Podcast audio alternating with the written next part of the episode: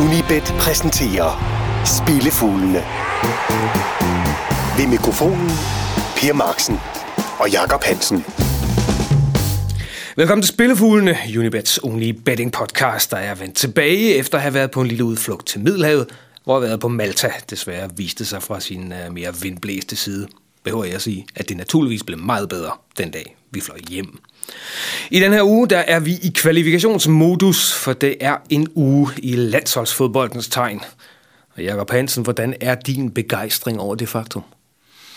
Og jeg synes altid, ugen op til, til landskampene rent faktisk går løs, er sådan lidt flad. Sker ikke rigtig i alverden. Der er lukket ned for mere eller mindre alle fodboldkampe. Eller i hvert fald de mere interessante af slagsen. Er de Så mere jeg synes altid, at ugerne er lidt lange, når der er landskampe.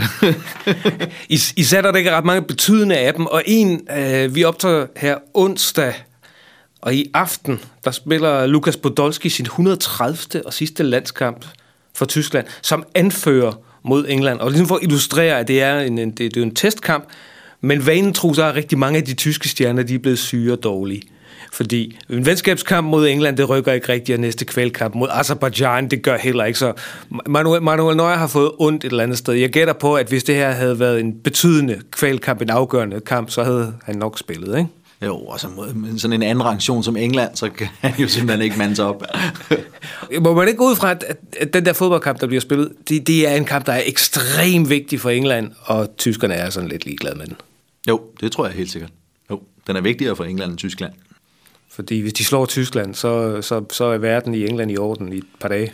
Ja, og så er der et eller andet at bygge på, trods alt for den nye landstræner, som jo har overtaget posten på lidt kontroversiel vis, og han skal jo vise noget så hurtigt som muligt. Ja, og han skal op imod verdensmesterne. Men, som du sagde, et halvtyndt program, for det meste med nogle testkampe.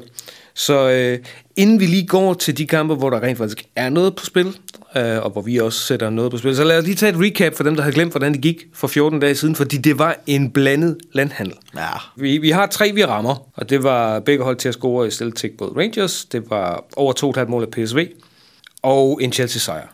Og så var det de tre fejlskud. Hvad for et af dem var du mest at misse? det var A bare på en Asian Handicap ud over Osasuna.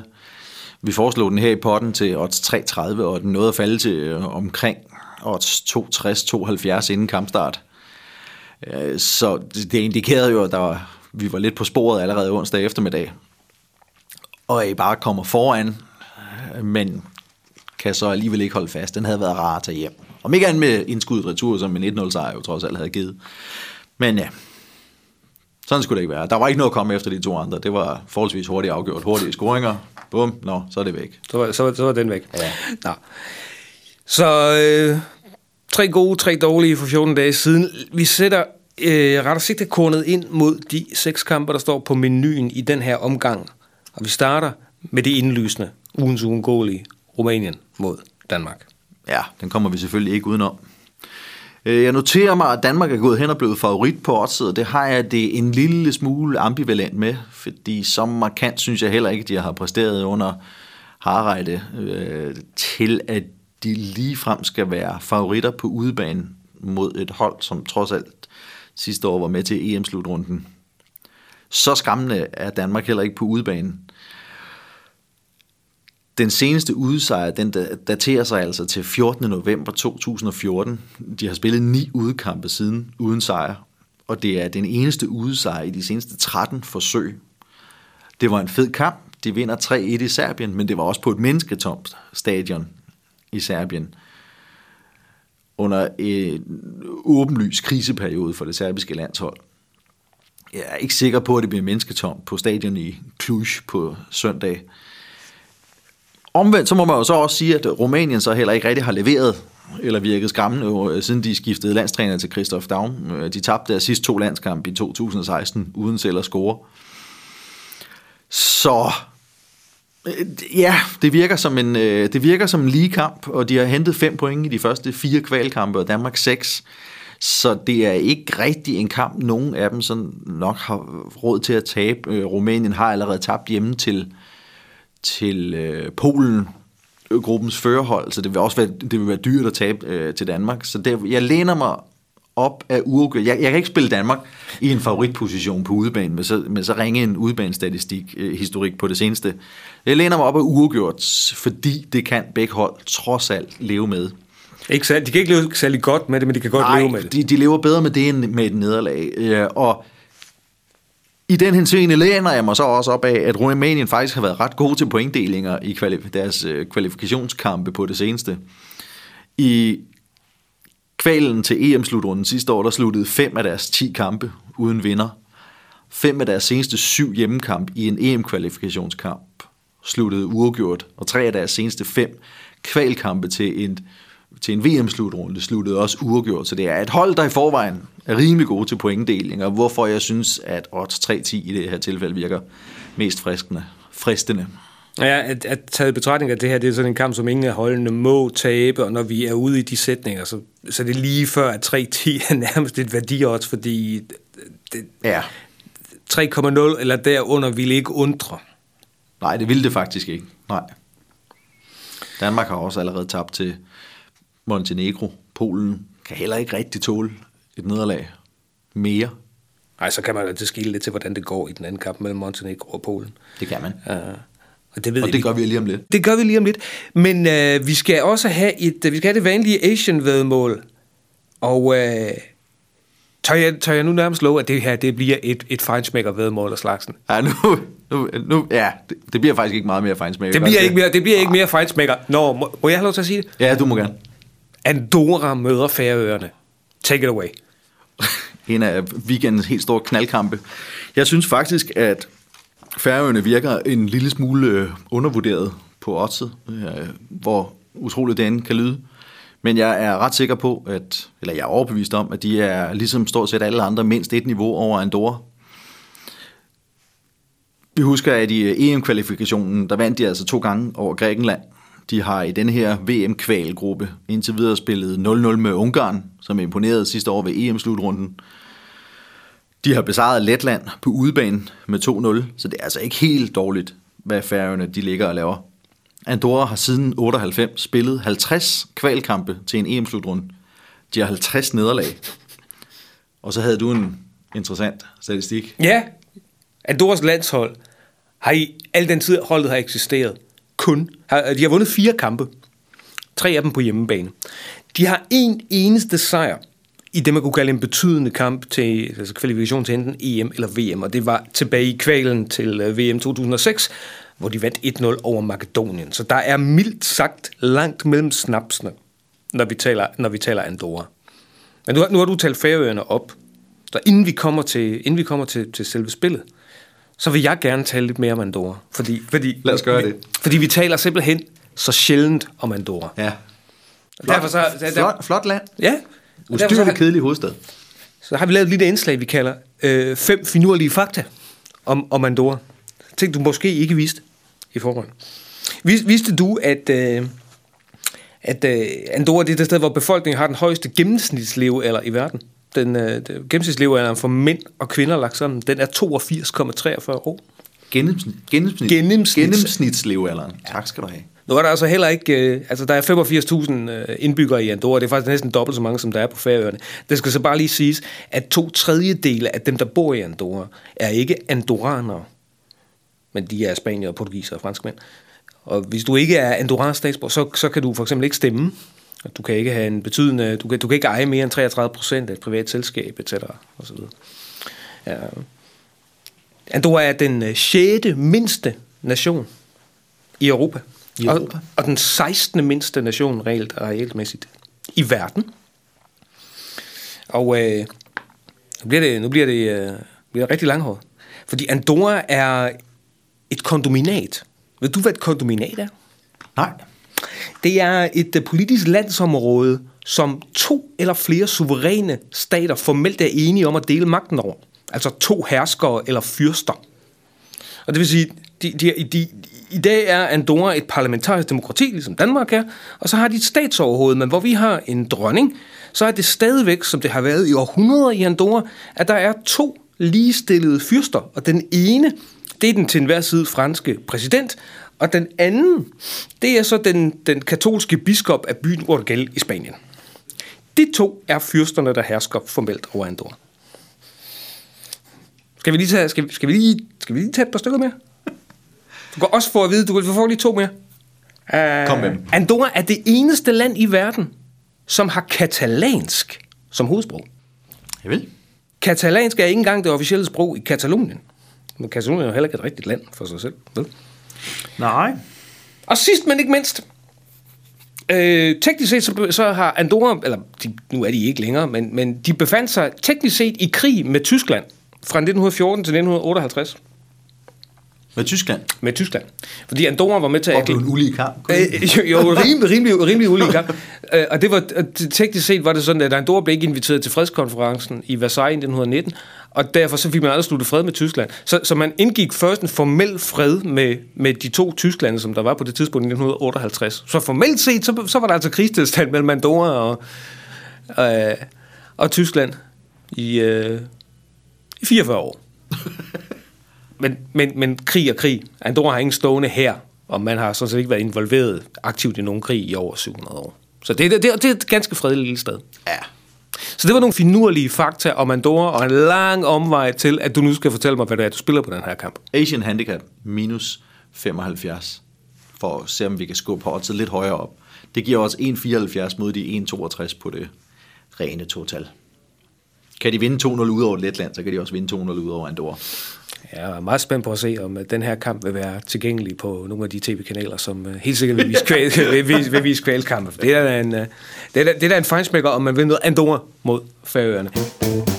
Spillefuglene fra Julibet. Jakob Hansen og Per Marksen. Vi plejer jo at tage på en europæisk rundtur, men det bliver, øh, det, det bliver ikke sådan helt europæisk i den her omgang, for jeg ved, at du, du, du laver en afstikker til, øh, til, til Nordamerika. Af slagsen er der, og den første, det er Tyrkiet, der har besøg af Finland. Ja, og det er en øh, kamp, jeg er sikker på, at Tyrkiet tager sig af. Taget i betragtning af, hvor stærkt de øh, sluttede kvalifikationen til EM af, og i sidste ende præsterede og, og kvalificerede sig også til slutrunden og komme derfra med en, en enkelt sejr, synes jeg, det er lidt overraskende, at de er kommet halvskævt ind i øh, VM-gruppen. Okay, de har uafgjort ude mod Kroatien, det er altid godt nok, men uafgjort hjemme mod Ukraine og så nederlag op på Island øh, kan i sidste ende vise sig at blive lidt kostbart. De vinder så 2-0 i den seneste kvalkamp over Kosovo, og de bør simpelthen også have mere i posen end Finland, som virker næsten lige så svage som Kosovo i øjeblikket. Finderne har en sejr i 15 landskampe. Det var en venskabskamp mod Marokko. 10 af de seneste landskampe har de tabt. 9 af de 10 nederlag, det var uden scoring for finderne selv. Mens Tyrkiets seneste fire sejre blev vundet uden at lukke mål ind. Så hvis man, ligesom jeg tror, at øh, tyrkerne de tager sig kærligt af den her hjemmesejr, så er der med andre ord belæg for at forsøge at hæve også lidt ved at sige, Tyrkiet vinder til 0 i stedet for det rene et-tal, og så pifter man også op til 1,97 i stedet for. Og fra Tyrkiet videre til Nordjylland, hvor en anden af vores skandinaviske brodernationer, som heller ikke har et specielt fantastisk landshold for tiden, nemlig Norge, er på besøg. Ja, øh, og jeg var faktisk meget fristet af at gå, øh, gå på rent et-tal til 2,40, fordi jeg synes, når Nordjylland på hjemmebane er vurderet til odds 2,40, det indikerer i et eller andet omfang, at kampen er rimelig lige. Der er ikke noget i de to holds resultater op til den her kamp, som indikerer, at den her kamp skulle være lige. Men nu er der så det, at Norge kommer med ny landstræner, så ved man aldrig helt, hvad effekt det har. Så jeg vælger at tage en draw no bet, som stadig giver 1,66 på nordirsk sejr, og altså pengene retur, hvis det skulle ende uafgjort. Nordjylland fik tilbage i øh, november tæsk på hjemmebane af Kroatien i en venskabskamp. Det var første nederlag på hjemmebane i 12 kampe. De gik igennem kvalifikationen til EM-slutrunden med et nederlag. Det var på udebane mod Rumænien. Og det var altså en gruppe, hvor det ender med, at tre nationer ender med at komme med til selve slutrunden. Så det er altså ikke helt dårligt resultat. Norge har fem nederlag i deres seneste seks kampe. Undtagelsen var en sejr over San Marino på hjemmebane. De har et point i deres seneste syv udkamp, Blandt andet har de spillet, det ene point kom så ved blandt andet at spille 0-0 mod Estland. Og så har de også blandt andet et nederlag på 1-0 ude mod Azerbaijan. De har en sejr i 12 udkampe i VM-kvalifikationen. Det var mod Kyberen. Jeg tror i øjeblikket, at Nordjylland er en hel del stærkere end Kyberen. Og også stærkere end Norge, og går efter, som sagt, et-tallet på en draw no bet. Jeg må også bare sige, at det vi så til Nordjylland under EM-slutrunden i Frankrig, var jo ikke ligefrem prangende fodbold, men til gengæld var det voldsomt effektivt. Det var det, det, det hold, som er meget svært at nedbryde. Bare spørg tyskerne. Ja, øh, det er jo det. og de har altså åbnet den her kvalegruppe med, med at banke Azerbaijan 4-0, som igen Norge har tabt 1-0 til på udebane. Så får man det også svært i Belfast. Jeg kan godt forstå, at nordmændene skiftede landstræner efter, efter den hårdt tilkæmpede sejr mod San Marino. Ja. Du har tiltro til tyrker, du har tiltro til nordigerne, og så var det afstikkeren, den kom, fordi vi skal lige en smut over dammen, hvor USA i øh, den nordamerikanske... Ja, det skal vi. USA. De spiller på hjemmebane mod Honduras i CONCACAF VM-kvalifikationen.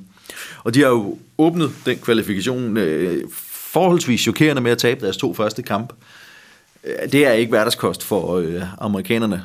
Øh, og nok var de to kampe mod Mexico og Costa Rica, det er de to stærkeste modstandere, de løber ind i i den gruppe. Så nederlag i begge kampe kan til en vis grad undskyldes.